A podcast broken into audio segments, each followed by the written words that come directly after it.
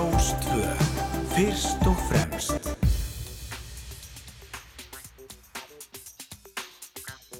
Komið þið sæl og blessuð, þá leggjum við að stað hér á Rás 2. Ég heiti Felix Bergsson og þetta er þátturinn fram og tilbaka.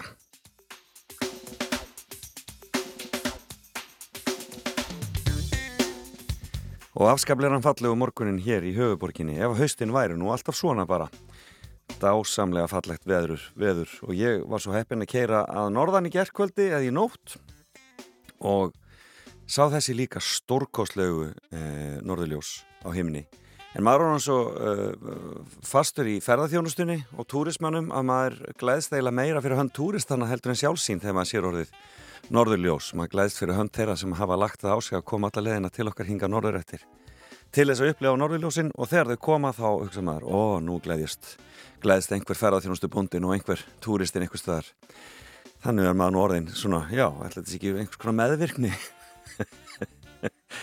Að eh, já, hugsa þetta þannig. En falleg voruð og, um, og fallegur í dagurinn í dag. Minnst skoðstu hér hjá okkur sunnan heiða. En hvað sem þið eru þá fylgist þið vel með veðri og farið varlega.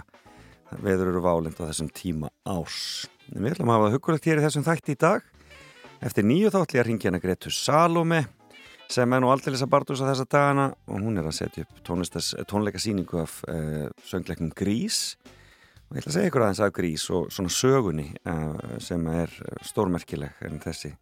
Uh, já, já, ég segja ykkur betur af því eftir nýju af, af grís og hvernig hann kom til á sínum tíma kvikmyndin og söngleikurinn. Og, um, og heyrum svo örugla einmitt í henni í Gretu Salima og síðan er það fimmann, hún ætlar að koma til mín.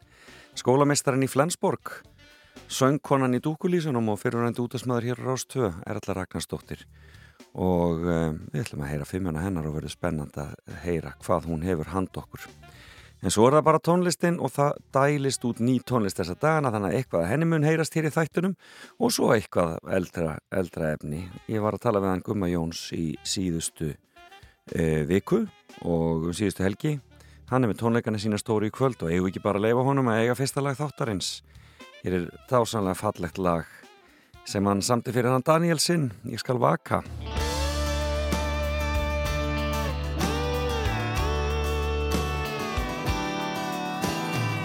Hérna sitt ég og horfi á þig sofa. Þú tala látt upp úr svefni stöku orð Annar staður á morgun önnur ástúr Sér hver stund sem við eigum er mér að. Ég skal vaka meðan veðrið gengur Ég skal vera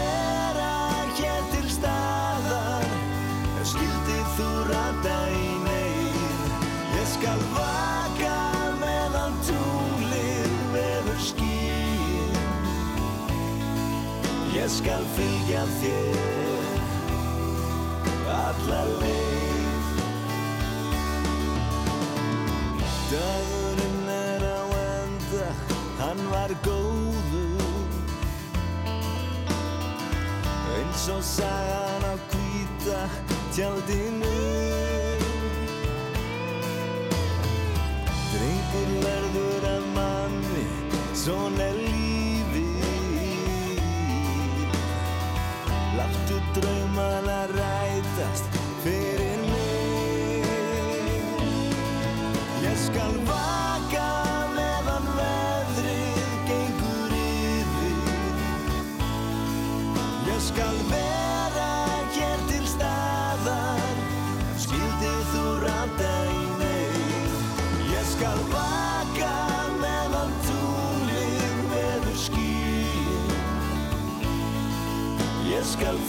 fylgja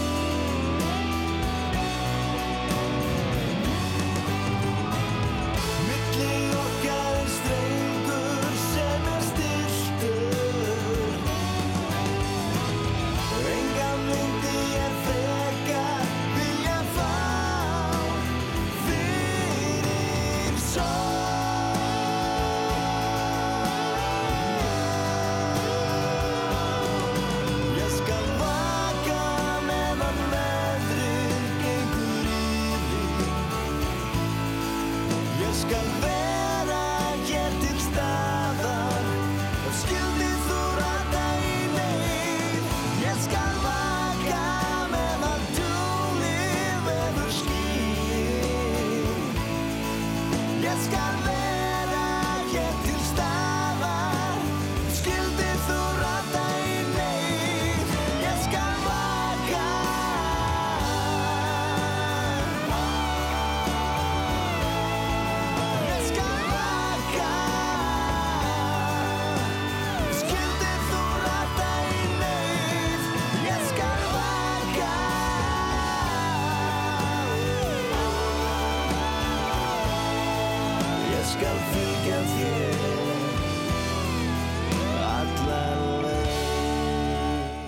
Vel gert, Gumi Jón Sarna og, og tónleikarnar hans byrja í Háskóla Bíó í kvöld klukkan átta og ég sé ekki betur en það sé, ég, það sé eiginlega pakka upp selt en það er einhverju svona, já, miðar á stángli hann eftir ef einhver tekur það í sig að vilja skella sér að stað á tónleika í kvöld, þetta verður frábært. En Erla Ragnarsdóttir er sest hjá mér þannig að við ætlum að fara að rappa en byrjum að heyra eitt gammalt og gott með dúkulísum. Já,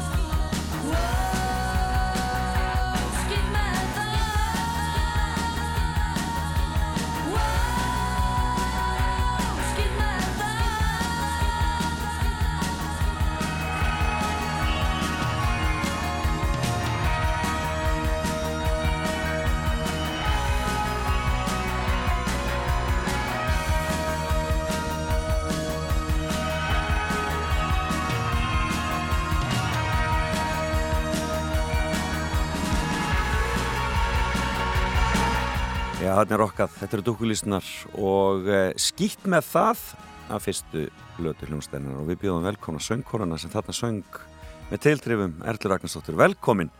Takk, takk fyrir. Og aðeins breyst röttin síðan, síðan já, þarna 1984 Algjörlega, ég held svona að ég hef kannski verið lítið meðvituð þeim mitt um röttina þarna 1984 já, akkurat, og bara svona hvaða hvaða verkværi það getur nú verið sko. Já, það fyrst bara söng, maður bara Já, fór bara upp á kom svið þessu og... frá sér bara hérna, því sem þurft að segja Algjörlega, sko eh, En eh, þið voruð að halda upp á hvað, 40 ára ammæli? Mm -hmm. Það er 40 ár síðan við svona formlega stopniðum þessa hljómsveit þetta Já. var allt saman gert mjög svona skilmerkilega á þessum tíma við eigum okkur, sem sagt, okkar ammælisdag 10. oktober 1982 82, já. þá er hljómsveitin stopnuð Já.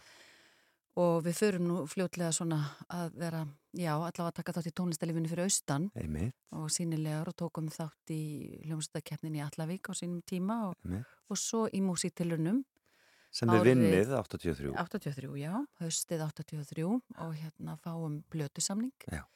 í framhaldinu bara sama kvöld, Jón Ólafsson bara beigð eftir okkur En skemmtilegt. rétt okkur pappiranna Já. og við náttúrulega bara skrifum undir. Bara þar og þá, ekki að pæla neitt meiri því. svona, svona næstum því, já.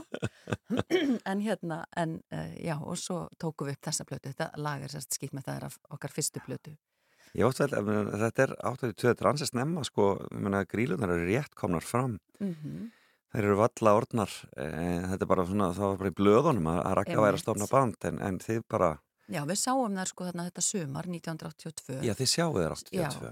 laumum okkur í, inn í Allavík Einmi, held ég megi segja máttu það ekki núna. vera, máttu ekki við vera. veit ekki, við vorum alltaf bara einhverjar smá skottur. Já, hittum röggu og hérna töluðum við hana og, og svona, við voru, þetta, þessi hugmynd var komin í raun og veru af stað þá. Frábært. en um, það var mikil svona inspirasjónu sem maður segir Já, að hitta þær og sjá þær og, Já, akkurat. og hérna, og bara við drefum bara í þessu. Því þeir voru gaggrindar sem sko fyrir að vera slappar live en voru þær orðnar, orðnar góðar þarna. Já, í sko okkar augum Já, þá voru það bara náttúrulega æðislegar. já. stjörnur sko, Já, bara æðislegar Já. kraftur og, og orka og svona töffaraskapur sko en samt sko gáðu þessi tíma rakka sérstaklega tala við okkur sem var bara aðdánaðist sko, bara hún frábært alltaf þannig gefur sér tíma skemmtilegt, en Mhm. nú hefur lífið aldrei breyst og þú fóst inn í kjensluna og inn í og ert núna að halda upp á 20 ára starfsamæli e, í Flensborgarskóla. Emmitt, algjörlega. Fórum alltaf auðvitað bara svona í nám og við kvildum nú hljómsettina þarna Já, á tímabili, svona á ykkur tíu ára tímabili. En var alltaf, var það Um, kjenslan alltaf sem svona, vildur þú fara í kennarnámið eða? um, Nei, það var eil- einhvern veginn aldrei hérna upp á borði að fara í kennsluna sko, ég hérna verið í sagfræði, Ok. sögu og stjórnmálafræði. Já, uh, aðeins svona vilun emitt tók fjölmjölafræði kursa líka um, og svona stemdi svona kannski frekar í fjölmjölana átt til, blaðamennskunar heldur, heldur en í kennsluna. En, en datt svo inn í kennsluna um, í aflýsingar í Garabænum, í Garaskóla, í grunnskólanum í dönsku kennslun, í komin þá Já. heim frá Danmörku, tók masters eða kandidatsprófum mitt í, í sögu og stjórnmálafræði þar. Já, og hérna um, og svo bara, já fór ég í fjölbjörnskóla Suðunesja í aflýsingar þar fyrst þess að byrja með Já. í félagsgreinar og, og svona einhvers konar lífsleiknis áfanga um, bara frábæri fólki og, og hérna, og alltaf, gaman alltaf gaman að hérna, keira söðrættir og Já. keira vinnuna og, og takast á við þau verkefni sem að því fylgdu, ég var bæði að kenna sko í dagskólanum og líka á kvöldin þannig að maður var stundum þarna daglangt söður frá og svona ég var svona komin með annan fótinn þanga, langaði að flytja Já. um, þegar að hérna, ég fer svo í, í réttindanámi það var svona bara komin tími til Já, akkurat, annarkvort þá að taka þá, já, taka þá skrefið þetta bara verða kennari Já, og fór þá í það nám og varð að taka sérst æfingakesslun minn einhvers þar annar starf en það sem ég var að vinna og komst að í Flensborgarskóla og bara og þar varðstu bara já, það eftir það. svona, já, í raun og veru ég fann það bara strax frá fyrsta degi að, að þarna væri svona, já, merkileg, merkileg stofnun og góður starfsandi og hérna, og svona gott andrumsloft um, og já, og svona mm, ég allavega í sögukennslunni var þarna svona ákveð, ákveð augnablik þar sem að var svona heilmikil gerjun í gangi Já, í skemmtilegt. sem að ég fann að ég gætt dottið inn, inn í, já, myndi passin í. En við skulum renna okkur bara inn í fimmunæni sem er fimm kennarar og þarna Mhm. e, sem hafa haft áhrif á lífið þitt. Já, og eigum við þá ekki bara að byrja á þeim fyrsta svona bara til þess að taka því svona koma okkur á stað. Já, Já, ég, veist, ég er náttúrulega til er í kennarasamfélagi og skólasamfélagi og er í þessum þessum hérna geira alla daga. Uh, en hérna og, en stundum auðvitað, það er auðvitað bara þetta dagstælega, þessi verkefni sem maður að takast og, og stundum eh, svona gefur maður sér ekki tíma þess að staldra eins við en það var gott aðeins sem þetta speikla þetta, við erum búin að vera í, í pínu svona starfstrónar vinnu og, og vangaveltum um, um svona hvert við viljum fara með skólan já, um, og hérna erum í svona ákveðnu skólaþrónarverkefni þar sem erum að prófa að vera með bekkjarkerfi á fyrsta ári Ok, og fara svo yfir í áfangakerfið og þetta kemur í raun og veru upp úr COVID. Já, já. þannig, að- þannig að maður er nú svona svolítið að Og lesa. svo náttúrulega vinna líka með hennar nýja veruleika með þrjú, árin þrjú og þrjú þetta allt árin, saman, sko. þrjú og allt saman. Þetta, þetta hefur nú verið svona svolítið á dagskrani síðustu árin. Einmitt. um, og ég er auðvitað umkringt kennurum, fagmönnum alla daga Já, náttúrulega, ég tók á orðin skólamestari en núna, nú í dag, já, Já. skólamestarin Já. en, en kendi mjög lengi Einmitt. og eiginlega bara lengst af er búin að vera samt við stjórnun svona síðustu 6-7 árin já. En hver er fyrsti kenn kennar? stundum með, já En hver er svona, fyrsti já, kennarinn? fyr- Það er mjög, mjög erfitt og hérna, við um ræða þetta í spjallin okkur já. hérna áðan en kennarar hafa mikil áhrif og ég held kannski að stundum gleymið því og viti ekki kannski alveg af því við köllum þetta duldu námskrana líka uh, í fræðunum. Já, svona þetta sem að maður lærir líka sko bara af þessu samneiti þetta er mikil, mikil samskipti þetta er mikil, mikil hérna, nálagð Já. við kennaran og Já. þetta er stert og gott samband og getur, getur að minnst okkur myndast. Akkurat. og hérna, því verða svona kannski margir kennarar manni mjög hérna, kæris uh, ég auðvitað ólst upp á Eilstöðum fyrst, í- Reykjavík við flytjum stannum sjö ára aldur, austur og, og þar hérna ólst ég upp og, Mhm. og það er auðvitað svona minna samfélag og maður þekktu auðvitað alla, alla kennaran og margir sem kom til greina. Uh, en ég valdi já, margir eins og ég segi það. Er hérna, þú veist, Marta og Berta og hérna Inga Rósa heitin sem að kendi mér ennsku, mikil fagmanniskja og hérna uh, tala alltaf svara okkur alltaf ennsku sko, það var eins og við heldum bara hún kynni bara ekki íslensku á tímabyrjum og mjög þrjósk og svona bara ætlaði að kenna okkur Já, hérna ennsku svo, já, svo lág auðvitað leiður okkar saman í útarpinu setna meir og maður auðvitað fréttamaður Ríkisútarsins, Inga Rósa Alveg rétt, Þóðardóttir alveg rétt, þannig að hún var nú svona minn mentor setna meir Rakel og fleiri sem ég get nefnt úr grunnskólanum á Eilstöðum en, en Gunnar Sig, Guðrún Sigurðardóttir handafinnukennari og hún var nú líka sko bekkjakennari minn eða umsjónakennari minn uh, alveg svona fyrst að byrja með á miðstíðinu eins og við köllum þetta. Í grunnskóla. í grunnskóla, Mhm. já hún sko, hún var svona kona sem að kendi manni þrautsegju sko og, og þetta með að sko setja markið hátt og stundum ofhátt og það er bara líka allt í lægi um, þú veist, við vorum stundum ótrúlega hérna, flókin verkefnin, við lærðum að ríja við lærðum að prjóna og hekla og sníða og sauma og Já. sauma dress, sauma ungbarnasett prjóna alls konar einhverja fígurur bánsa og, og annars líkt og föndra og, einhvern veginn. Og þetta er bara þegar úr tíu árið eitthvað? Já, já, algjörlega, sko, mæður okkar, eh, hérna, þeim stundum fjallist hendur, sko, því þær voru auðvitað þarna, maður þurfti að grípa þær stundum þarna í þessum verkefnum. Mamma, hvernig rí, rí Ná, ég nákvæmlega, en alltaf einhvern veginn, sko, hjálpa hann manni í land, dróð mann svona að landi og hérna, og ég menn, ef þetta varð ekki eitthvað verkefni, einmitt talaði nú við vinkonum mínar í gæru og maður stærri vett upp og Já. að þú veist, eh, ríja teppi til dæmis, ef það varð ekki ríja teppi, þá var það bara ríja púði, Já, sko, akkurat, veist, já, já. hún einhvern veginn, já, og, og maður einhvern veginn læriði það svolítið að hérna, já, bara gefast ekkit upp, uh, prófa, prófa sig áfram, ég meina það er er allt í lægi ákveðin að list- klikki, sko. En ákveðin listsköpun þá líka í gangi og svoleiðis? Algjörlega, mjög kreatív, en það hérna, fór hún sem sagt úr svo grunnskólakernslunni og, og fór í sin eigin rekstur í blómaskreitingar og, og blómahönnun og rak blómabúð lengi vel eh, fyrir austan og hafði mikil áhrif svona á bæjarlífið og bæjarbræin í kringum bæjarháttíðina, ormsteiti og fleira. En, en, að hún en var þetta alveg, sko. var alveg kynskipt þarna þessum tíma? Strákarnir fóru þá bara í smíði? Já, þeir voru í smíðum á meðan Já. og við vorum í handafnunni og var svo bara- snerist þetta nú eitthvað við en, en hérna, já, þessum tíma þá var þetta svolítið þannig. Við fórum í smíðarnar og þeir í handafinnu. Og, já, já. eitthvað var var eitthvað og við fórum saman öll í sko, í húsmæraskólinu Hallamstað vorum sendt þangað í sko heila viku bara að læra að skúra. Ég skúra ennþá í áttu sko. Ég er, er snillingur í að skúra.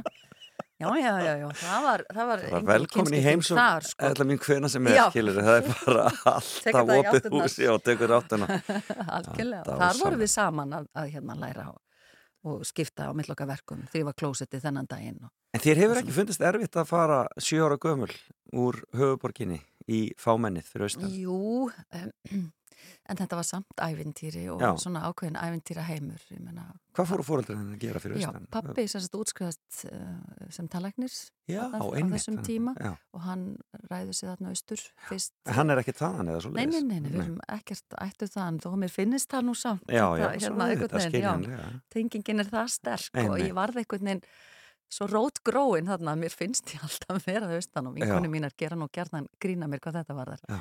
En hérna, já, þau bara pappi fór að vinna og mamma lítinn bróður hérna, lítinn dreng og bara hugsa um okkur til að byrja með og hjálpa honum auðvitað í reksturinnum líka og, og hérna, og svo fór hún nú í mentaskólanám og, og fleira og við ílengdumst þarna. Þau ætluðu náttúrulega bara að vera í eitt, tvö ár Já. en þau urðu nú sko 13, 13 pluss allavega. Akkurat. og bara okkur leið óskaplega, óskaplega vel þarna. Á, ég en ég kom úr sko svona bara góðu skóla umhverju, var, mikil skólastelp og er Já, enn, veist alveg ískrar í mér á haustin sko, að nutta, koma við blíjandana og kaupa mér eina dagbók eða svo Einmitt, skrifa niður punktana mína og, og skipuleggja og fara yfir kjenslu á En þetta er bara þetta er bara skemmtild, Og þannig var það alltaf, var- þannig var það alltaf. Alltaf, já, í Laufásborg, Tjarnaborg um, og svo fyrir Ísaksskóla, indislegur heimur. Veist, Ég tengi kannski ekki Ísaksskóla námitt þar við einhvern, einn einstakann kennar, heldur bara meira stemninguna. Já, þú bara Söngin og já. föndrið og sögurnar Akkurat. og lesturinn og bókasafnið og veist, þetta var einhvern veginn og ég held ég hef nú svolítið notið góðs af því þegar ég fer svo austur. Nákvæmlega. Er þá flutt um bekk í raun og veru? Já, Þannig að hérna er með góðan lestrargrunn úr Ísaksskóla og tek það með mér og og er því alltaf, alltaf ára undan, sko. Og hérna, og bara leið vel þannig, eignast góða vinni og, og já, naut minn. En hver er næsti kennari? Guðrún Sigurðardóttir var fyrst. Já, síðan er það nú, sko, úlingastíð, Svein Herjálsson heitir hann. Sveinn Herjálsson. Já, um, og hérna, Það er mikið nafn. mikið nafn, Svein Herjálsson kent okkur líka sögu, sögu og Krist, hérna, Kristin Fræði og, og, og fleiri svona þessar kannski sögu og félagsgreinar eins og við skilgrunum það í dag og um, hann indislegur maður bara góður við okkur krakkana og, og sangjarn og, og hérna gaf sér alltaf tíma með okkur. Það var alltaf svona, var alltaf ákveðin svona ró í kennslustofunni hjá Já. honum. Og hérna og það sem meira er sko, hann kendi mér það að sko það er stundum gott að einmitt vera duglegur. Mm og svona Já. veist, og gulrótin var bara sára einföld og, og bara lítill. Við fengum að spila ef við hérna vorum fljótar eða Stóðu fljóta ykkur, já, vinna ef við stóðum okkur. Já. og hérna þetta var alveg bara svona keppi keppli ég kom bara heim, hendi vera með töskunni fekk mér kannski kakumalt og, og kleinu og, einmitt. og svo bara beinti að lesa fyrir næsta sögutíma. Og þá máttur svo ég gæti verið ótrúlega fljóta svara spurningunum sem hann kom með daginn eftir verkefnið.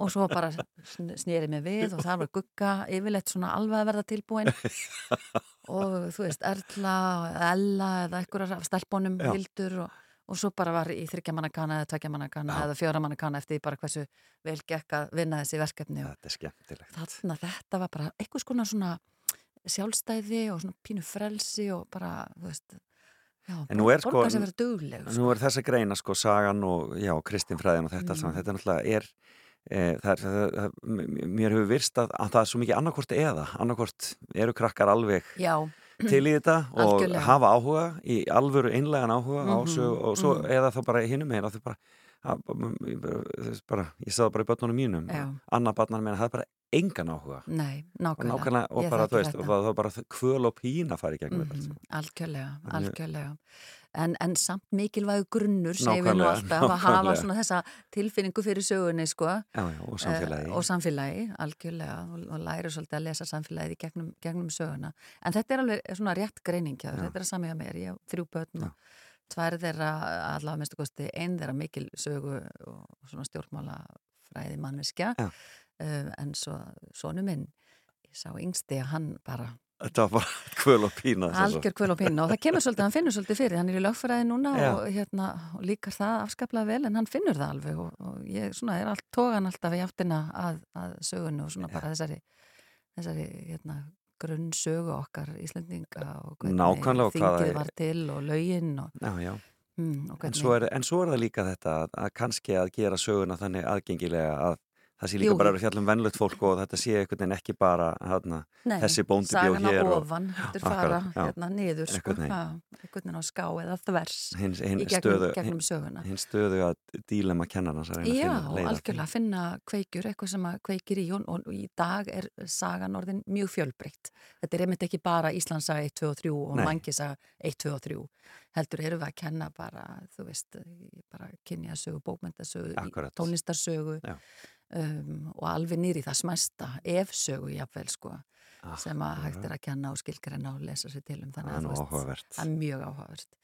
Þannig að það er, það er mikil gróska Akkurat. öllu En, en kosti. Herjálsson var, hafði mikil áhrif Hann var, já, hann hafði áhrif, ekki bara mig, ég held ekki alveg fullist það, við vorum hérna mörg sem að dýrkuðum hann og dáðum á þessum, Á þessum, þessum tíma. já, já, já, Var, og, meina, hann er, var mikill spilamæður líka og kannski þess vegna fílaðan, mikil britsari. Já, akkurat. já, já, eins og oft er í oft er í smæri samfélagin líka það, það er svona, er, en eh, varstu byrjuð að gera músikan á þessum tíma í unglíka dildinni? Sko ekki búa til músík endilega en spila. Við vorum svona, varstu spilar og hljófari sjálf? ég lærði á þverflutu Mm Þannig að hérna, ég var í, í svona bara nokkuð, nokkuð hérna, þéttu tónlistarnámi í tónlistarskólanum á Eilstöðum Já. Og hérna Og ætlaði nú að halda áfram á Já. þarflutunni en svo þegar ég kom í bæinn, kom í mentaskóla þá svona fljótlega fann ég það að ég hafði ekki tíma og kannski ekki nóg mikið áhuga en þá hljómsveitar bröltið byrjað En var svona hljómsættur umhverfið þá fyrir austan sem, Já. sem að þið genguð inn í? algjörlega, það var bara tölverð gróska á þessum tíma og ekki bara á Eilstöðum heldur bara á Austurlandi, nýra á, fjörðum sko, Já. Skúsvirði og Neskupstað og Seyðisvirði og, og viðar sko, það sem að var bara hljómsveitir og, og hérna svona æfingahúsnaði sem að maður gætt svona, svona komið við og kíkt við og Og það er orðið samgangur þá milli, hérna, milli fjörðana. já, svona aðeins Já. já, sko, auðvitað vorum við ekkert mikið að blanda við, en mentaskólin á Eilstöðum auðvitað skiptir svo þar svona miklu hlutverki hvað það var þar, í emitt svona þetta að, að leiða saman. Já, fólk í, í þessu líka nákvæmlega. En já, í grunnskólan var til dæmi skólahljómsitt og ég var í henni, við vorum tvær, ég og Veiga við sungum uh, með þeirri hljómsitt og Ok. ég man eftir sko minni fyrstu hljómsittaræfingu að þá var ég sko það feimin og það inn í mér að sko strákarnir voru í einu herbergi og með allar græjurnar og söngkerfi þar Já. og manni ég fór yfir í annað herbergi með mikrofóninn og lokaði, það var lokað alveg á milli og gangur á milli Já. Og ég satt og söng, heyrði bara óminn af þeim yfir í hitt herbyggið og söngst söng í gegnum bara gegnum veggina og, og það allt saman. Bara, og það var eina, eina leiðin til þess að geta það var eina geng- til þess að fá mig til þess að syngja og ég bara gerði þetta. Já, beita á jakslinn og svo smám saman fúst að stíga yfir í hitt já, aðeins, já, einmitt. Aðeins að færa mig þarna yfir. Ha, þetta var nú svona bara gömlu og góðu lögin þú veist, hérna, have you ever seen the rain? og eitthvað svona, þetta var það sem vorum að taka á þessum Dásamlegt. Mm. Eru þriði kennari áður en við tökum okkur smá pásu? Nákvæmlega, já, þá er ég farin söður í skóla, Já. mentaskólan Reykjavík og það var nú svona ákvörðin tekin bara, ég sótt um auðvitað um vorið eins og allir sótt um bæði MR og ME, Mm þá um sumarið var ég nú alveg orðin ákveðin í því að vera bara heima á Ílstöðum og hérna verið í mentaskólanum á Ílstöðum en svo bara heyri ég tilkynningu uh, þessi setning skólans í Dómkirkjunni klukkan eitt held í daginn eftir. Og varstu þá búin að fá sagt, skólavist? Já, ég var búin að fá skólavist, já. já, hann búið að bjóða með skólavist en ég svona horfði á mömmu og alveg bara, er þetta ekki bara sniðt og Já. ég bara drífa mig, Já. bara, jú. Og ég dreif mig bara af En stað. frábært, og hvað kannstu búið Já, þá þegar já, em- já, með minni sko við hún alltaf allt okkar fólk og allir okkar ættingjar. Já, þannig þú bjóst var hún nálat skólanum? Nei, hún var í hérna ljósimónum þannig að það var bara tvisturinn nýri bæ Það almennilega. Ásannlegt, já, já, indislegu tími En þú veist þannig að ska ára á undan, þannig að þú ert bara 15 ára eða Já, hvað? ég er Þannig að- 14 ára einmitt þegar ég byrja í MR þetta Já, er bara var, já, þetta er kannski ekki eitthvað sem að maður mæli með í dag Ég- en, en ég menna, þetta var, þetta var ævintýri og ég svona komst nú held ég ágætlega í bara vel, áskurinn, já, já, með gott fólk í kringum og Já. mamma og pappi og sérstaklega pappi kom daldið mikið þarna söður á þessum tíma þess að, að styðja En fannstu mun á svona skólaumhverfinu, sko, eftir komandi að austan?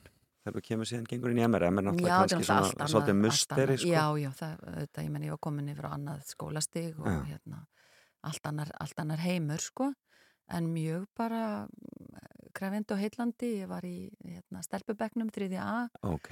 mikið líf og fjör og eignast þar góðar vinkonus og hérna En er bara kennari? já, En hvaða kennari. kennari? Emmitt, emmitt, sko, margir, Guðni Emmitt sögukennari, alltaf sko svo glæsileg og endalus fróðleikur sem að streymdi frá henni um, um fortsögun, um Gríkina og Sumer og Mesopotami og, og allt þetta, indisleg kona.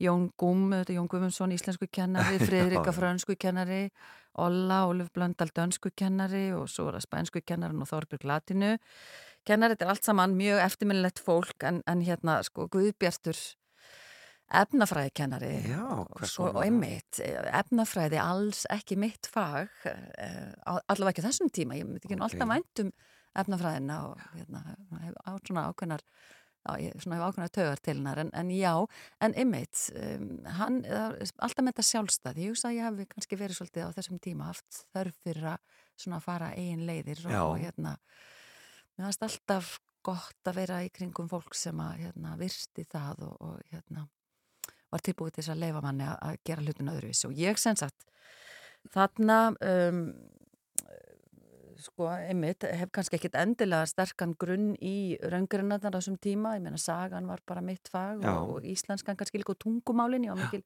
tungumálastelpa en hérna hann leifði mér sérst að nota þrýliðu sem að, þrýliðureikning sem að var þarna orðin svona svolítið úreldur en pappi kendi mér það. Já, bara í gegnum já, síman, ég satt ok. á símaborðinu í ömmu Já. með svarta þunga síman, þú veist bara maður komst ekkert. Og hérna, þú veist, öskubakkin hennar hérna við hliðina á, á símanum og ég annarkort upp á símaborðinu eða á gólfinu með símaborðið sem borð, þú veist, og pappi á línunni að kenna mér einmitt sko bara hvernig ég svona kæmist í snertingu við þessar, þennan útrekninga og massa og mól, mól og mólekúlum og allt hvað þetta heitir sko hérna. og ég minna, svo kom ég bara daginn eftir og, og hann bara, þú veist hann notaði þetta aðrar aðferðir en hann samþykti þetta og var alveg til í þetta og fannst ég bara svolítið sniðug að fara mínar eigin leiðis Já, og einhvern veginn, líka þessi rói tíma hjá honum um, hann leiði okkur alltaf að skjótast nýri sjoppu og sækja okkur pínu blandi póka svo við höfum orku í þessa útreikninga allar saman, þannig Já. að þú veist, við fengum bara svolítið að vera við og það var það var bara Mikilsvirði. Já, mikilsvirði Er þetta ekki- ekki fæðið Tóma Guðbjörns? Jú, þetta er, hann? Guðbjartur Kristoffersson heitir hann og hérna, jarðfræðingur að ment. Elias kent okkur jarðfræðina, mjög, líka mjög eftirminnilegur og dásamlegar jarðfræðferðirnar hérna á fyrsta ári MR sem að ég var með að skoða síðuna þeirra, eða við erum öll alltaf saman í púlíu að skoða síðunar okkur störu, ég sá um þetta það var jarðfræðiferð eitthvað tíman hann í síðustu viku sem að hópurinn er að fara á þingvelli og, og læra Og þú hugsaðir, og góðar minningar. góðar minningar frá þessum, þessum tíma. En en, hann dúk- var mjög eftirminnilegur og, og hérna En eru dúkkulísnar til þarna þessum Já, tíma? þar eru nefnilega að fæðast þarna í mig Já. þetta, þetta haust sko. Þetta er 81, er 82. 82, já, sem að hérna ég byrja í MR og hérna og já En var ekki vond að vera svona fjarrið þeim þá í rauninni? jú, jú, algjörlega sko Var bara sungið gegnum síman eins og þarna með þrýliðuna? Nei, reyndar ekki, ég held að við höfum ekki fatta þá tekni, en það, ég menn það voru alveg nokkrar sem að svona sungu fyrir mig þarna þennan vetur, eða já, bara með stelpunum Já. Um, og hérna svona var ákveðin gerjun í gangi á þeim tíma en, en svo Frábært. svona smetlu við saman sem bandýrin og ekki alveg kannski fyrir en einmitt vorið þegar ég er komin heim þarna vorið í mæ, mæ, Já. júni Þeir eru að koma í 83, sömafríði já. já, þá tökum við þetta svolítið svona föstum tökum, förum í frumsendaefnið Og uh, og tökum þátt í hérna, fyrst skólhjómstakefninni í Allavík og svo komum við, koma þær söður til mín í raun og öru 83 þegar við tökum þátt svo í Músítilraunum. músitilunum og svo fáum við samningin og þá flytja þær alveg allar. Heldum áfram með sögun eftir smástund. Við skulum heyra eitt lag hér í mm, milli og uh, þetta er lag sem að þið gáfuð út bara þið saman, þú og Erla og, þú, þú og Greta úr, úr dúklísunum. Uh, ég er að býða og svo höldum við Erla Ragnarsdóttir áfram að svjalla.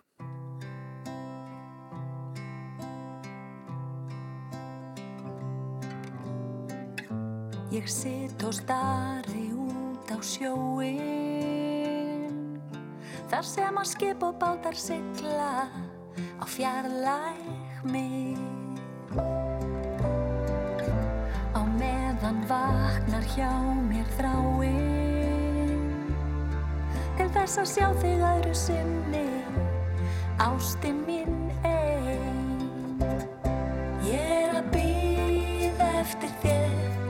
Alltaf að býða eftir þér. Ég vil þú komir til mín fljótt Yfir hafið og heim Ég er að býða eftir þér Alltaf að býða eftir þér. Ég vil þú komir til mín fljótt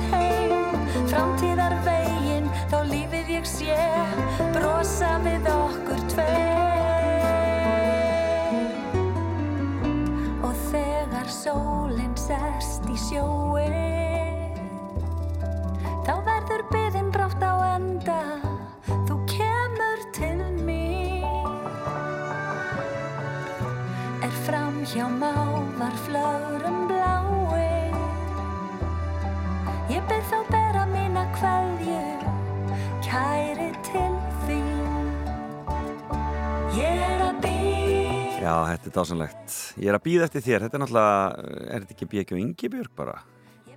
Nei, byrju fyrir ekki, ég er ekki með að kveikja þér hérna. Já, þetta er Jóhann Helga Jói Helga, Já, já. The Jói Helga sem að er með þetta og þetta er sko brunaliðið Brunaliðið var með þetta á plötunni sinni já, já. fyrstu plötunni bara held ég sem þetta er nú svona ykkar útsetning. Já, eh, algjörlega, við svona aðeins byrjuðum að vinna saman við, við tvær, við Greta, það var einhvern veginn svona lág vel við og við vorum að semja og bera saman bækur okkar og fylla upp í svolítið, ég kom með einhverjar hugmyndir og hérna og Greta fyllt upp í og svo var þetta nú orðið þannig að ég var farin að panta sko bara bara hérna ljóð við lögin og svona Já, þannig að við einhvern veginn urðum við að koma þessu pínu frá okkur og ákveðum að búa til þetta konsept bara við tvær, Erla og Greta bara frábært og, hérna, það er fullt af músík frá okkur. Já, allavega þrjú lög Já. sem að, aðeins verið að spila saman og kannski gerum við eitthvað meira. Frábært. Þetta er svona kannski þitt svona hobby sem að svona þarna þú ert hætt að ríja.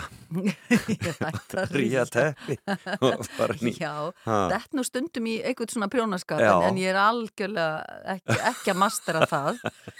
En hérna, alltaf með góðar konur í kringum eins og sem að geta dreymalandi mynd og hjálpa mér með það.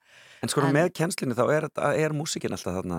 Já, í raun og veru sko, bæði, já, bæði náminu og í að þá er einhvern veginn, já, tónlistin þarna, maður held ég hættir ekkert að hlusta og spá og spekulera Nei, og, og glamra. Já, en þú Mm. ert líka mikið inn í bara tónlistarbransanum og inn í tónlistar svona, þú veist, inn í tónlistarringuðunni Algjörlega, algjörlega. og eignast einmitt bat með einum þekktasta tónlistarmanni þjóðarinnar Mhm. Magga, Stef, já, í, sem er einmitt að spila í kvöld held ég, ekki mér sé að segja frá ykkur leyndamáli hér, einmitt, já. einmitt Uh, en já, uh, hann spilaði með Ego og utengarsmönnum og og, Sálinni Sálinni og og, já, já, við stopnum nú okkar hljómsveit saman líka Stella Polaris. Já, sömdum Hvenær daldið kynni- en því kyn- aldrei út. Hvenær kynntust þið? Þetta er náttúrulega Já, við kynntumst 1989 og við eigum tvær dætur saman, Millu og, og Völu já, einmitt. Sýsturnar, Millu og Völu og Þannig að þið voruð ekki búin að kynnast á þessum sko, á þessum uh, tíma sem verður í sikkura hljómsveitinni Nei, að, að gera allt vittlust á Íslandi nei, en hann til dæmis spilaði og auðvitaðsmenn spiluðu á kjarvalstöðum þegar við unnum músitilunir Já, til dæmis. já, ok. já, já. En þá ertu náttúrulega svo mikið Ári stelpu bara skotta. stelpu skotta. Já, Já, já. Ekkert að spá í þessum, þessum mönnum þarna. Hoppandi í leðurbuksum. Sveittur og byrður og Þeir þeir höfðu nú aldeilis, þeir gerðu nú aldeilis allt vittlist þarna þessum tíma. Já, Það er óvægt að segja það. Ég, þegar, ég gleymi því aldrei þegar ég kom í hagaskóla. Þá kom mér og spiluði í hagaskóla sko á þriðutaskvöldi og, og, hérna, og maður fekk bara innspýtingu fyrir lífið. Það hafði aldrei upplifað hann að eins bara. já, já, Ha, ok. Já, það er er svona kannski eins og, já, ég sá þá að laugum. Já. Ég mitt bara með pappa og mömmu og, og ég held að það veri sko sveimið þá klukkan þrjú og sunnudegi þegar það nú frækt orðið þegar Bubbi reif leðubuksunar á sviðinu og allar fjölskylduna bara hérna gripum. Já, já, algjörlega. Ég var þar en svo mann ég líka mitt eftir sko þegar ég sá þussaflokkin í Kösu í MR. Hérna, það var líka svona einmitt einsbytting fyrir lífið. Dásamleir. Mikil áhrif. Herðu, fjórið kennari. Mm Við hefum tvo eftir þannig að við þurfum aldeilis að, að, hísi upp um okkur núna. Já, um, ég sem sagt, hérna, við gefum út plötu, 84, Já, og þetta er auðvitað sko mentaskóla árin mín, þannig að ég tek, ég fer svo austum með stelpunum aftur, ég tek sjötabekkin eða síðasta árið í raun og veru fyrir austan og útskrifa sem stúdent frá mentaskólanum á Eilstöð. það er bara því þú ert bara komin á kafi í tónlistabransan. Já, já, við vorum að spila þarna um, allar helgar að Já. þvælast um landið allt og Einmitt. þetta var farið að svona vera ofmikið í raun og veru. Hún kom bara með útgerð, áttum kerfi og Já. láði rútuna og rútubílstjóran með og Já. hérna, þú veist, bara út um allt. Já. Engin tími fyrir skóla eða nám en, en, en samt alveg bara staður hann í að standa mig og, Og klára þetta. og og, hérna fór yfir í ME Já, og þar voru bara vel tekið á móti mér. Ég held að ég sé enn þann dag í dag svo eina sem hefur útskrifast af latínu og sögubraut frá stöðum. því að hún er ekki til eða Hún er bara, var ekki til og maður búin til. Þess að koma mér svona þarna inn í það kerfi. Og ég var í enga tímum hjá Otto hittnum, hérna latinu og ennsku kennara um, bara allan þennan vetur að taka síðustu tvo áfangana í latinunni Já. Uh, og mjög eftirminnlegt því að ég bara fór heim til hans og hann byggði sér gott kaffi og, og svo bara fórum við að hérna Að tala latínu? tala latinu, Einmitt. hérna, fari sagnir og beigingar og þýðingar og annað slíkt um, og svo, ég minna Philip Fogler, ennskukennar þarna mikil, mikil dramatík í bandarísku bókmyndunum að rifja upp hetjurnar sínar og hann var með mikla heimþrá og saknaði bandaríkjan og maður var bara já.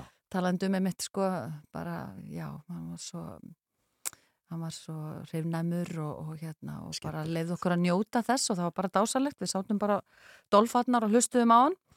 Uh, og þarna voru, já, margir eftirminnilegir kennar eins og segi, um, en alltaf verða svona kannski sagan og, og stjórnmálafræðin sem að tókar, Björn Meifússon og Jón Ingi. Og ég ætla nú kannski að nefna Jón Inga sérstaklega, ég fór í stjórnmálafræði áfanga hjá honum og fekk þá svona kannski einmitt í fyrsta sinn að þrasa og tjá og tuða svona bara einmitt með hópi af, af hérna jafnöldrum og með svona kannski fr- fræðimanni Já. eh, með í, í farteskinu og það var svona ákveðin útrás fyrir það. En það var ekki alltaf þannig í MR að nefndur fengi að segja neitt í tímum. Nei, það var ekki alltaf alveg þannig sko. Það var meira svona kannski með þetta bara að vinna, sittjast og, Já, og hlusta sittast og vinna og Já. hlusta og Og eina gera. skipti sem hún réttur upp hönd var skrifa. þegar þú þurftur að spyrja kennaran Já. hvort það væri rétt eða rámt hjá þér. Já, einmitt, einmitt, Eitthvað, það var eitthvað svoleiðis sko. Já. og, og hérna, en maður fekk nú yfirlt alltaf sko góða endurgef á öllum verkefnum hjá mér, mér finnst það, það er mjög eftirminnilegt, en, en einmitt þetta með að fá að tjá sig og tala og þrasa og tuða og hafa, hafa sterkar skoðanir, það, það mátti hjá Jóninga og Jón það var mjög eftirminnilegt. Frábært. Já, hann var svona, þetta var svona frekar kenningamiðaður áfangi hjá Já, En við vorum daldið lúmsk og snjöll í að platan yfir í bara, þú veist, bara þetta. smá debatt. Já, hvað væri að gerast í pólitíkinni Já, og þessi sagði þetta. Og, það. Já, já, þannig að það var, Þetta það var það. mjög, mjög skemmtilt og hann Þetta var bara. Tatt sér tíminn og mikið, Þetta Thatcher og reykan og mikil læti í pólitíkinni. já, algjörlega, þetta er svona svolítið kaltastrís emitt tíminn og mikið, mikið að gerast, sérstaklega heimspólitíkinni, en þetta var hún mikið rætt á þessum tíma. Við vorum emitt ekki þegar þú segir það, ekki allavega svona í minningunni, mikið í innanlandspólitíkinni. Mér fannst einhvern veginn svo hefði verið rólegt yfir henni á þessum tíma en samt voru menn svona, þú veist, menn tilur það ákveðnum flokkum og, og svona sérstaklega kannski sveita, eh, sveitina voru menn eirnamertir og Og varstu það var pólitísk, hefur takast verið pólitísk? Já, já, já, já, ég hef alveg verið pólitísk sko. Og stigið inn í þátt pólitíkina? Já, já, ég var í frambóði fyrir sjálfstæðsflokkin hérna 2013 og Alveg 14, rétt. já, já, já. Var þá í pólitíkinu og hefði tekið þátt í því Þá starfi. í sveitastundupólitík eða... Nei, var semst, til alþingis Land- til þarna, Alþingis, já, já, já. á þessum tíma var í uh, fymtasæti um, á Austurlandi, fór austur, fór aftur heim og já, verið já. pólitíkina þar. Og varstu þá varðingmaður eða... Uh, Vara, vara, vara, Vara, vara, eins og við já. gönduðum með á þessum tíma. Já. Og, hérna, já, já, þannig að, já, já, ég var alveg tekið þátt í pólitísku starfi um, og svona bara, já, verið daldið, daldið virk, líka í hafnaferðinum. Já, Um, en, en hérna, en svona kannski önnur, önnur huðurefni sem að eiga huga minn í En dag sko, aðeins of mikið að gera fyrir pólitíkina eins og pólitíkina. staðin er í dag já. En hver er fymт og síðasti kennari? Fimt og síðast er Guðmundur Haldunarsson Já.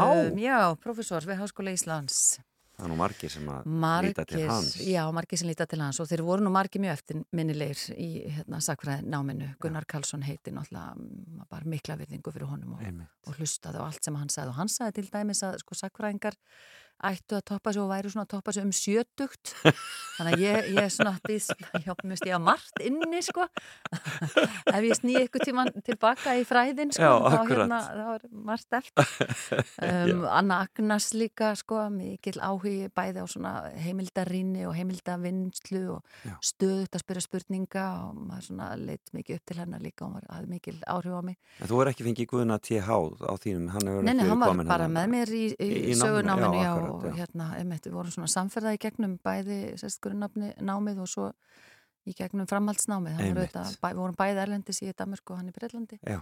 þannig að, hérna, að, já, já hann var ekki orðin kennari á þeim á tíma. þeim tíma, hann er svo ungur maðurinn, Akkurat. En hvað var við Guðmund sem að... okkar Hvað var það við Já, Guðmund sem Guðmundur að... bara nýja svolítið ströyma og, og, stefnur og svona þessi hugmyndum að Ísland hafi ekki alltaf verið Ísland og svona hvaðan þessi hugmynd kemur um þjóðríki og Já. þjóðurniskendina og, og svona þetta, þessi einingahyggja, svona hvaðan hún kemur og svona þessi hugmyndasaga, hún heitlaði mig mjög mikið á þessum tíma. Já, það er skemmtilegt. Já, og svo var hann líka bara mjög hvetjandi að ég skrifaði sko bíðaritgerina mína hjá honum og hann einhvern veginn bara alltaf, alltaf tilbúin að hlusta og, og lesa og, og koma með ábendingar og svona hafði, hafði tíma, gaman í tíma og, og hérna, það er alltaf mikilsverið líka. Þannig að hann var eftirminnilegur og er svona kannski bara eins og maður segir bara legendary, er það ekki? Jú, ég menna Ah. bara maður sem er hægt að líta til í, í svo mörgu, sko. algjörlega, hefur mikil áhrif. Það hefur mikil áhrif. Já. Þetta er dásanlegu listi. Guðrún Sigurðardóttir, Sveitn Herjálsson, Guðbjartur Kristófersson, Jón Ingi, hvers svona hann? Sigurbjörnsson, Sigur Björnsson og Mhm. Guðmundur Halldóransson. Þetta eru kennararnir fimm sem, a, sem að þú vildir deila með okkur hér, Já. eh, Erla Ragnarsdóttir, skólamistari Flensborgar og sönguna. Því miður er tíminn bara hlaupin frá okkur. Við höfum Mhm. tíma fyrir eitt lag áður en að við skellum okkur í auðlýsingarnar og þú vildir heyra Paul McCartney í lokin. já, hann er algjörlega mitt uppáhald. Paul McCartney og Paul Simon það er bara toppmenn og ég eftir að sjá Paul McCartney búin að sjá Já. að það er ofta eftir og kemur eitthvað nýtt frá dúkulísum eða, eða, eða Erla og Greta á næstunni? Já, það getur bara alveg verið við frumfluttum á amalistónleikunum okkar tvö ný lög Já. og það bara stendur til að vinna þau svolítið áfram, að það er bara skemmtilegt Alltaf, ekki aldrei döðstund, Erla Ragnarsdóttir. nei, nei, nei, það má ekki Gæra þakki fyrir kominni fram og tilbaka. Takk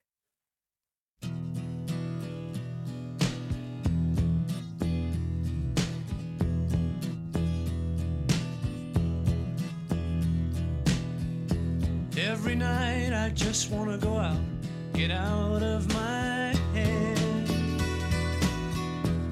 Every day I don't wanna get up, get out of my bed. Every night I want to play out, and every day I wanna do. But tonight I just wanna stay in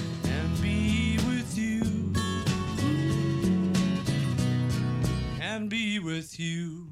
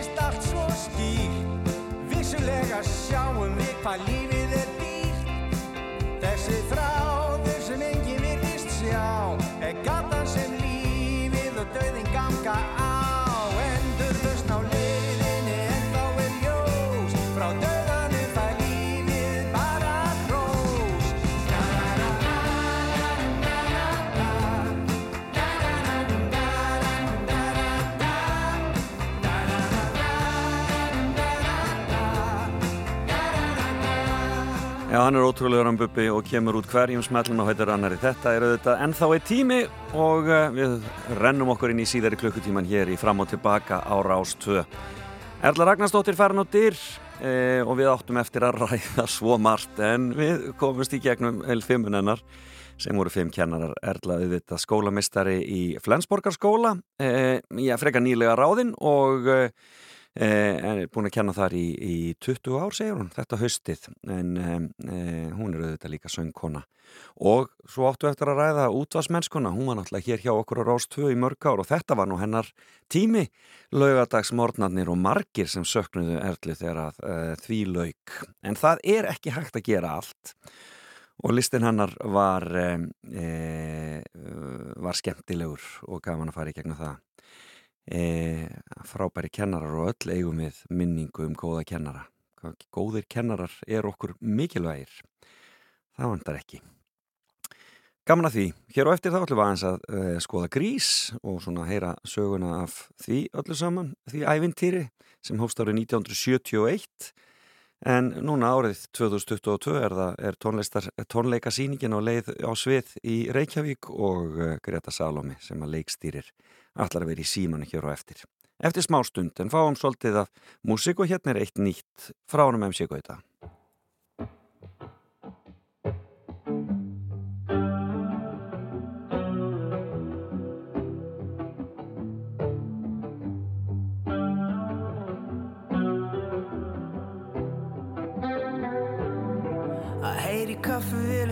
Sita mótið þér með botla Það gerir mig glaðan, hvað klísja er það?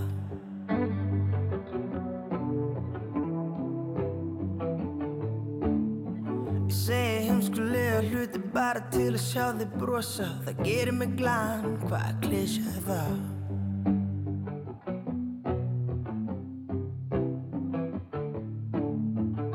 Fyrstu kosin var í kirkjugarð og þá byrjaði nýtt líf með þér Hvað klísja er það?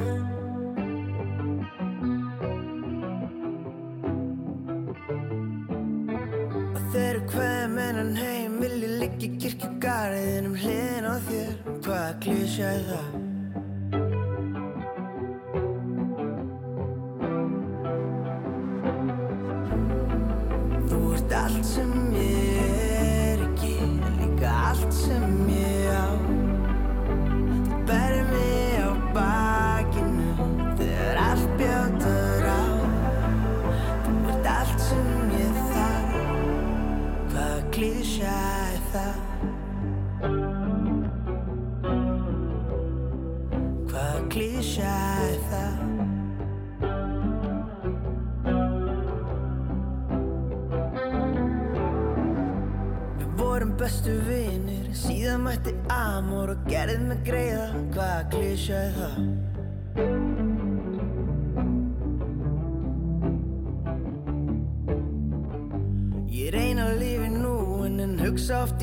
Framtíð og ég sé þar, hvaða klísja er það?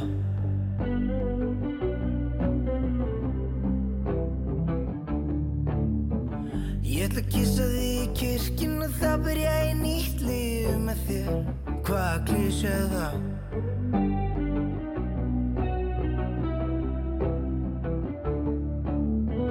Volim te, ljubavi, ne vidim nebo od tebe O sreću vas me, kakav klišo je to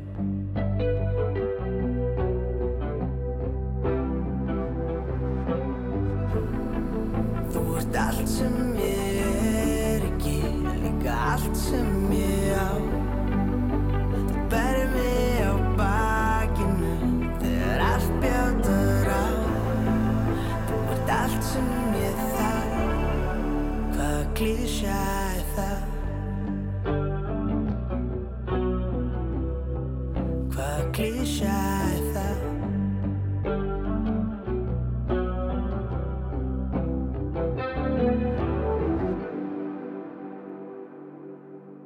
Felix Bergsson fer fram og tilbaka á Rás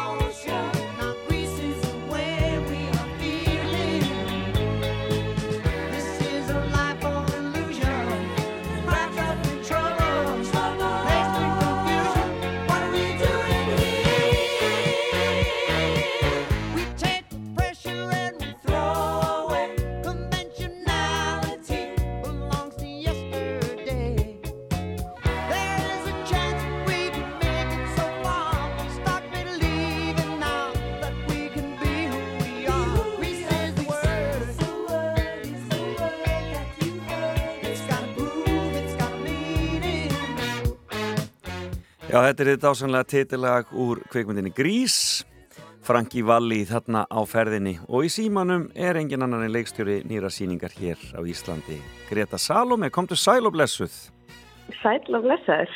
og gleðilegan lögatarsmorgunin Sumi leiðis. Vika í frumsýningu, hvernig líður leikstjóranum? Herðu, það er bara, hérna, það er bara sami svona, hérna, hvað ég segja, svona meðgöngu spenningurinn eins og, eins og alltaf, sko. Akkurat, þetta er, hérna, þetta er náttúrulega bara, uh, hvað ég segja, þetta er svolítið svona heilagt efni, þannig að Já. maður þarf að fara, fara að velja í þetta, en, en við erum náttúrulega með frábært kast og, hérna, og þetta verður bara, þetta verður bara æðislegt. já, þetta er, þetta er tónleikasýninga það ekki Jú, þetta er tónleikastýning og við erum svona, hérna, hvað ég segja, við erum svona að fara svolítið milliveg af, af því að, hérna, segja söguna alveg eins og er gert í söngleiknum Já. og myndinni og svo flytja þessi lög. Já, skemmtilegt Þannig að það, og, og, og, þarna, og ertu þá með sögumann eða, eða hvernig? Já, hvernig við erum með, hérna, við erum með hann Átnabendein, Já, hann frábæra leikara. ok. Hann er sem sagt svona, hvað ég segja, hann er svona eins og, eins og gerskjafinn á sýningunni. Sá sem tengir á milli Þannig að hann, já, þannig að hann mun tengja svolítið á milli lagan og svo erum við náttúrulega, uh, svo erum við sex dansara og Já. hérna, eða átta dansara og, uh, og alls konar gegja band og svo náttúrulega kastið sjálf, þannig að það verður alveg nógum að vera á sýningunni. Það er sannlegt. Og hvað ertu með? Ertu með stóra ljómsveit þá eða í þessu? Já, sko við erum með stuðlabandið Já, og þeir eru sex og svo erum við með hérna tvo brassleikara líka, þannig að þetta verður áttamanna band og svo eru fjóra bakrættir hana, Pink Ladies sem að verða Ok. á sviðin allan tíman þannig að þetta verður bara æðislegt já, eðislegt en skemmtilegt. Og svo auðvitað þau í aðalhuturkonum Jóhanna Guðrún og. Magnús Kjartan Eyjólfsson. Já, Þannig að þau ætla, að þau ætla að vera Danny og, og, og, og, Sandy. Já, nokkvæmlega og svo erum við með Stefáníu Svavas og Júli Heiðar Já, uh, uh, sem að syngja líka þannig að þetta er svona og við erum kannski ekki alveg að hérna uh, að því við erum ekki að sagt, við erum ekki að taka söngleikin þá er þetta svona hlutverkin eru kannski ekki alveg hérna alveg heilug hvað þetta var það einmitt, þessu raða svo upp á en á sama tíma já en, en já þetta er sagt þetta er kastið og það er eftir að skila þessu bara æðislega sko. Og hvernig ætlaði ætla að syngja þetta á íslensku eða ennsku? Hvernig er það? Nei, við erum sem sagt ákvæm að fara þá leið að við erum í rauninni að fylgja myndinni Já, Þannig að við erum svolítið að reyna að gera bara myndinni hátundur höfði í staðin fyrir að fara að söngleikja leiðina. Þannig að við gerum þetta allt á ennsku. Þannig að við erum að fylgja líka í öllum útsetningum erum við að fylgja orginulunum bara í rauninni alveg út í, út í eitt sko. en skemmtilegt. Þetta verður dásamlegt. Já, þannig að, þannig að grís aðdándur þeir, þeir munu alveg heyra þetta svona í þessum, hvað segja, já, í þessum útsendingum sem þeir eru vanir að heyra lögin í. Akkurat.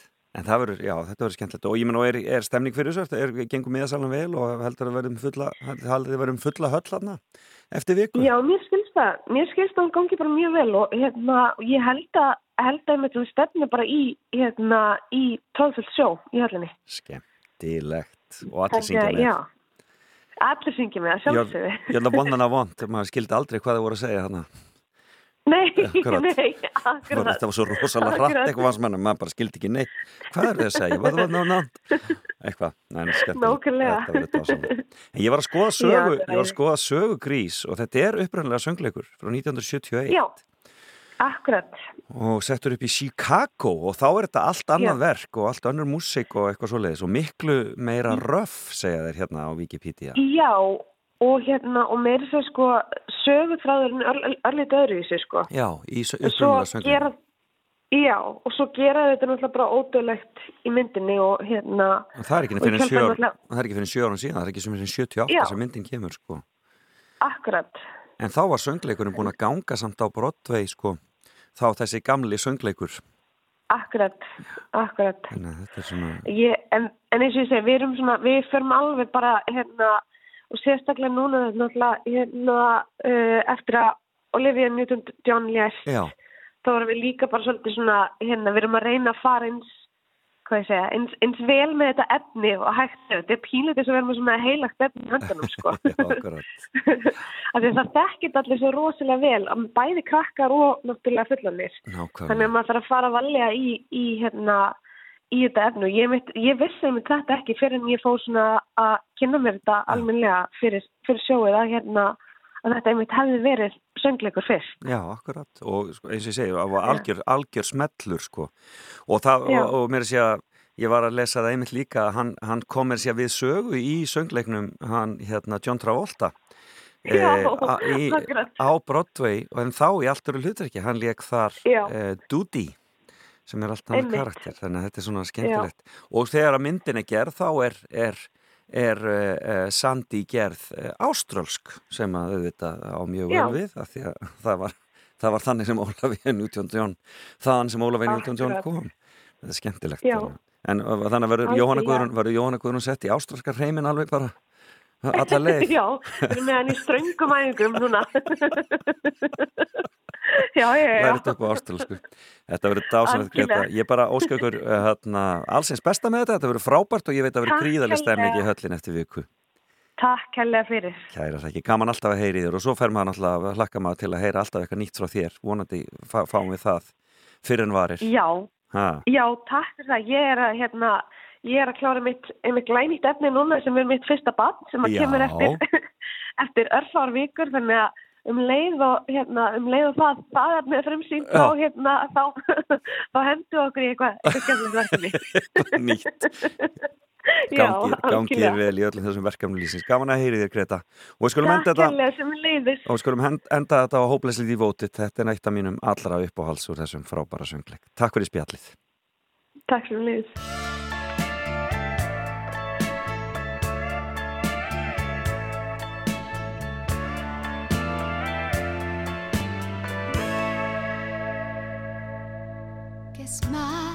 Not the first heartbroken. My eyes are not the first to cry. I'm not the first to know. There's just no getting over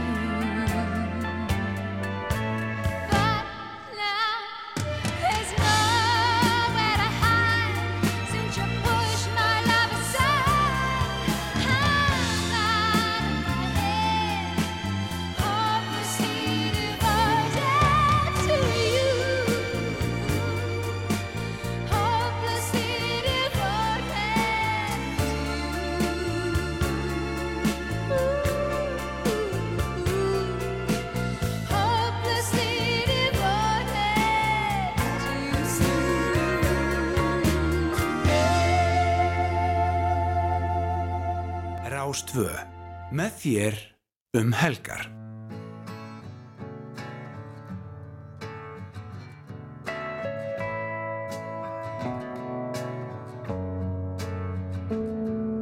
Sumir eru fættir með plús á báðum pólum meðan aðrir er í mínus frá sumri fram að jólum Einhverjir eru utan gáta og ekki innan mengis.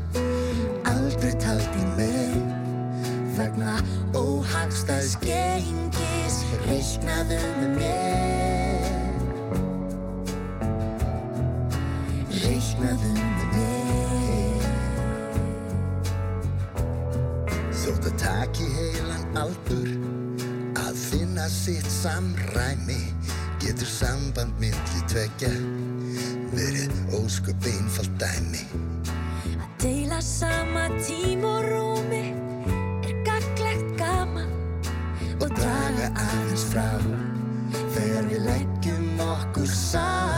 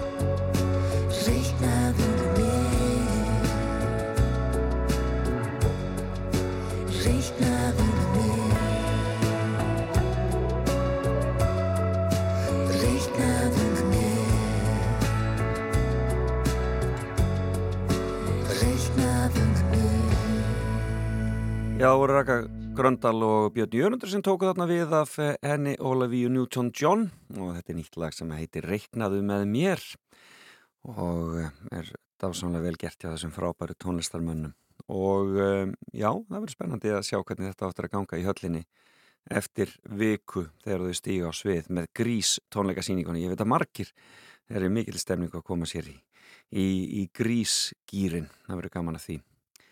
E, sá hópur sem að því stendur. En það er svona, já, stuðlabandið er þarna í, í grunninn og þeir náttúrulega eru aldeilis búinir að slá í gegn svona undarfærin undarfærin ár og spila á öðru hverjum annari hverju ásatíð og annari hverju öðru hverju balli uh, gríðalega vinsælir. Það er á ferðinu og svo Jóhanna Guðrún í hlutverki Sandi gaman að því. Rástfö, fyrst og fremst í íslenskri tónlist.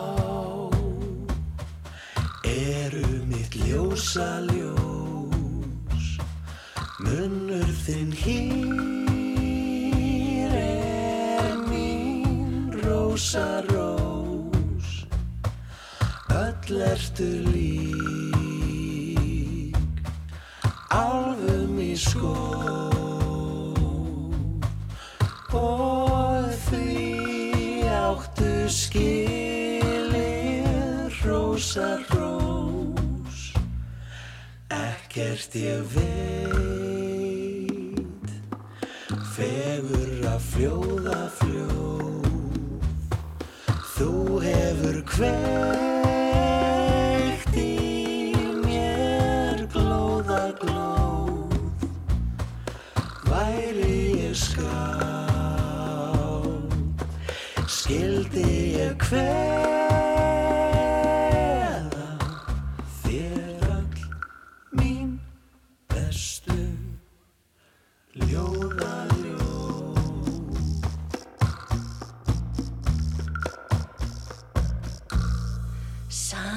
er mér um allt þitt rausaraus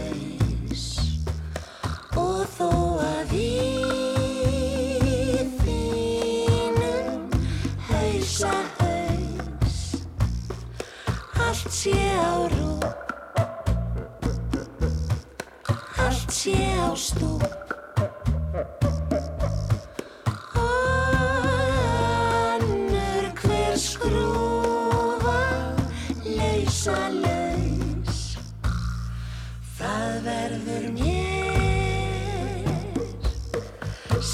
Sannkölluð fróa fró Bara eftir sker úr þér nóa nóg. Síðan þú mátt mín vegna deyja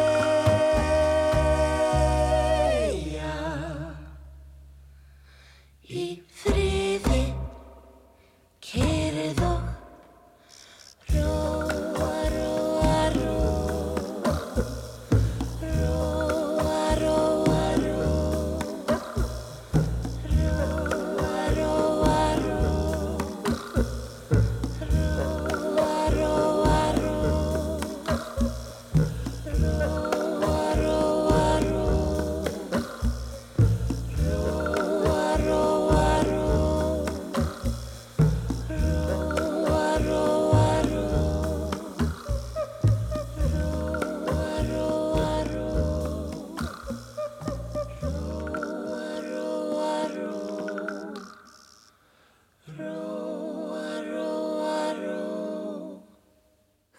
þetta er skemmtilegt. Upp á hellingarnir kallaði sig og þetta er auðvitað Jónas og Jón Múli sem þarna sungin. Auðvitað þín blá og þetta eru uh, þarna heyr, máttu nú heyra greinilega í Sigur Tolasíus og svo eru þeir þarna félagarnir úr uh, Moses Hightower. Þetta er alveg einstaklega vel gert. En eigum við ekki að skella okkur aftur til nýjunda áratögarins eitt gamalt og gott hérna sem heyrist allt á sjaldan. Kim Carnes og þetta er Betty Davis Eyes Her hair is hollow gold, her lips sweet surprise. Her hands are never cold. She's got Betty Davis eyes. She'll turn her music on you. You won't have to think twice. She's pure as New York snow. She got Betty Davis eyes.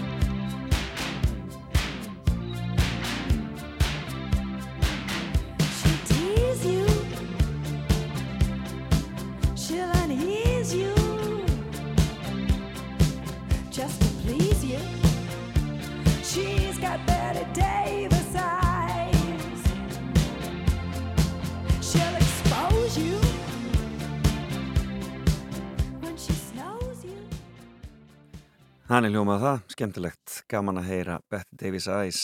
En það er að koma út svo mikið að tónlist þessa dagana og það er alveg bara e, allt á miljón e, í tónleikahaldi og öðru slíku og mikið að músika að koma og einn af þeim sem er að hreyfa sig þessa dagana er Jónas Sig og það gleður nú marga e, og e, tónleikahald á leiðinu og svo er þessi dásanlu tónleikar sem á að halda í salnum í Kópo og í í desember, 8. og 9. desember Jól og Næs og það er Jón Ólafsson og Hildur Vala og það er Jónas og Raka Gísla og e, einhverjir fleiri Jó, Ingibjörg Turci verður þarna líka bassaleikari, þannig að þetta verður það verður skemmtilegt, frábært en við skulum heyra nýja lagi frá Jónasi og Lúðrasveit Þólasánar Góðan daginn Ísland.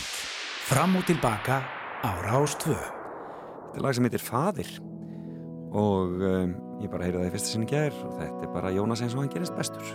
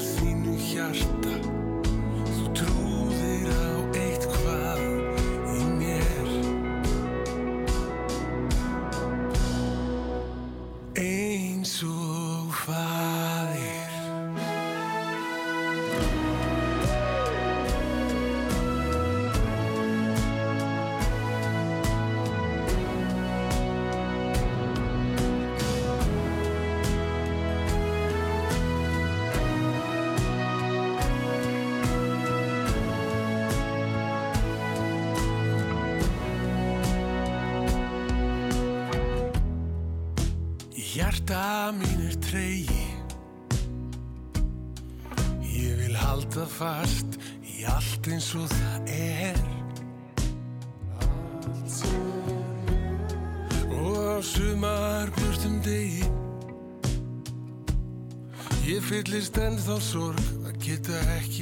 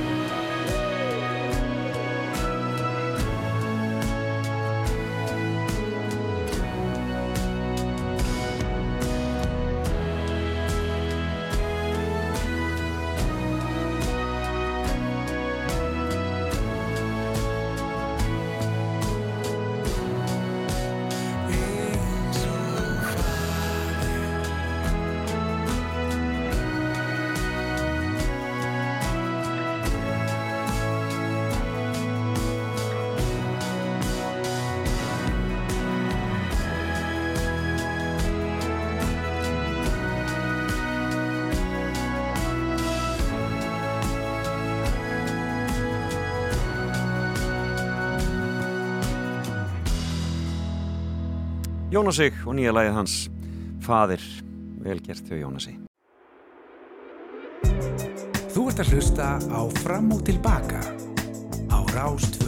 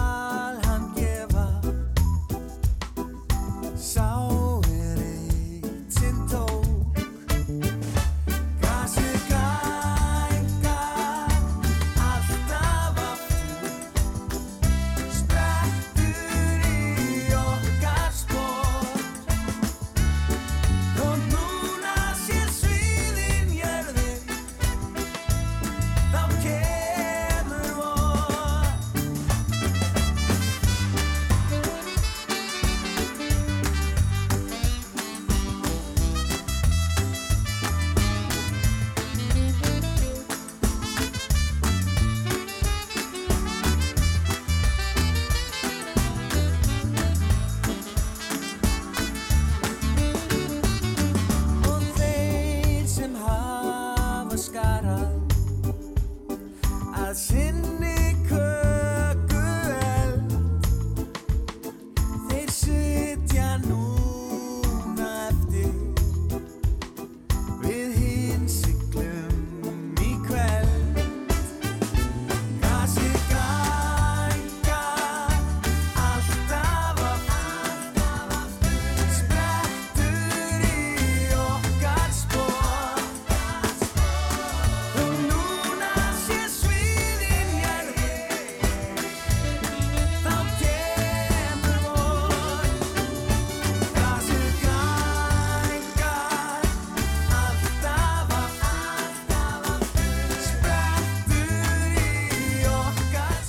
þessi er eiginlega ammælisbatn vikunar, Karl Olgesson, hann var 50 ára í gær og þetta er eitt af hans allra besta lag sem hann gerði með miljónamæringunum hér fyrir nokkrum árun síðan og þetta er heila svona hrunlægið.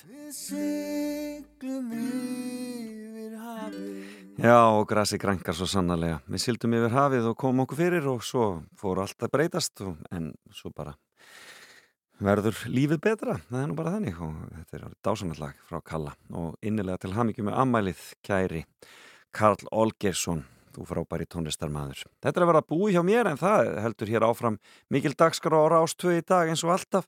Salka Sól tekur við að mér hér klukkan tíu með sinn frábæra þátt og grefur í einhverjum skemmtilegu músikpælingum eins og venjulega og gleður mann og annan. E, allir það ekki eftir hátið í umsjón Birgis Röð Steinasonar e, Birgis Arnars Steinasonar e, og hann e, talar til okkar öruglega frá Akureyri eins og venjulega. Og svo verður tónlistinn klukkan fjögur. Og það er kannski helsta í sjónvastaskrá kvöldsins er að það er þriðji þáttur í þáttaröðinum Sigga Sigurjóns verður eh, í kvöld klukkan 19.45 eftir frettir, íþróttir og veður. Þannig að það er að ímsu að higgja og svo náttúrulega fullt að gerast í íþróttunum í dag. Það verður að spila í bestu deil Karla, efri og neðri hluta E, Valur og Breiðablík mætast í dag, leikur sem kannski skiptir ekki miklu máli, en svona kannski fyrir heiðurinn, fyrir einhverja. Og svo er náttúrulega hörkuleikur í dag, e, Leiknir og Keflavík og Ía og Íbjöfaf í neðri hlutunum, þetta er nú svona allt farið að skýrast hansi mikið og, og Ía í vandraðum og Leiknir í rauninni líka en þetta er nú ekki alveg búið en þá þannig að menn munu berjast fram á síðustu, síðustu stundu í þessu e, og e, já, það verður spennand að sjá hvernig, hvernig það fer í dag. Og svo eru þetta verið að spila í ennsku úrvalstildinni og fyrsti leikur bara núna kl. 11.30 Nottingham Forest og Liverpool. E, og stóri leikurinn setna í dag Chelsea og Manchester United. Já, það verða margir fastir við sjónvaskjáin í dag. En við ekki að fá smá disko hérna? Það er nú lögadagur einu sinni. Þetta er Sophie Ellis Backstorm minni eftir þessu It's murder on the dance floor. But you better not kill the groove, DJ. Gonna burn this goddamn house right down. Oh, I know,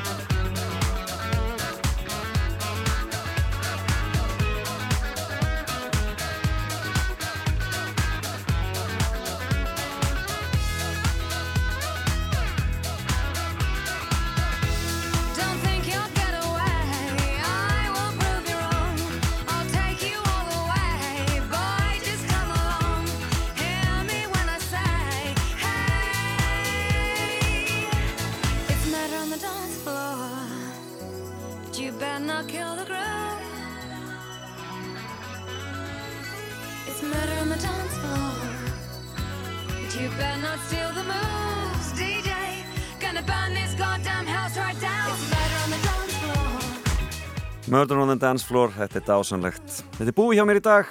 Ég þakka frábærum viðmælendum mínum Gretu Salome og Erlu Ragnarstóttur eh, eh, skólamestari í Flensborg og söngkunu Dúkulísana og fyrirvændi daskragjaramanns hér á Rástu en hún sagði okkur af fimm kennurum sem hefur haft áhrif á lífennar og eigum ekki bara enda þetta með Dúkulísunum árið Salka Sól tekur við.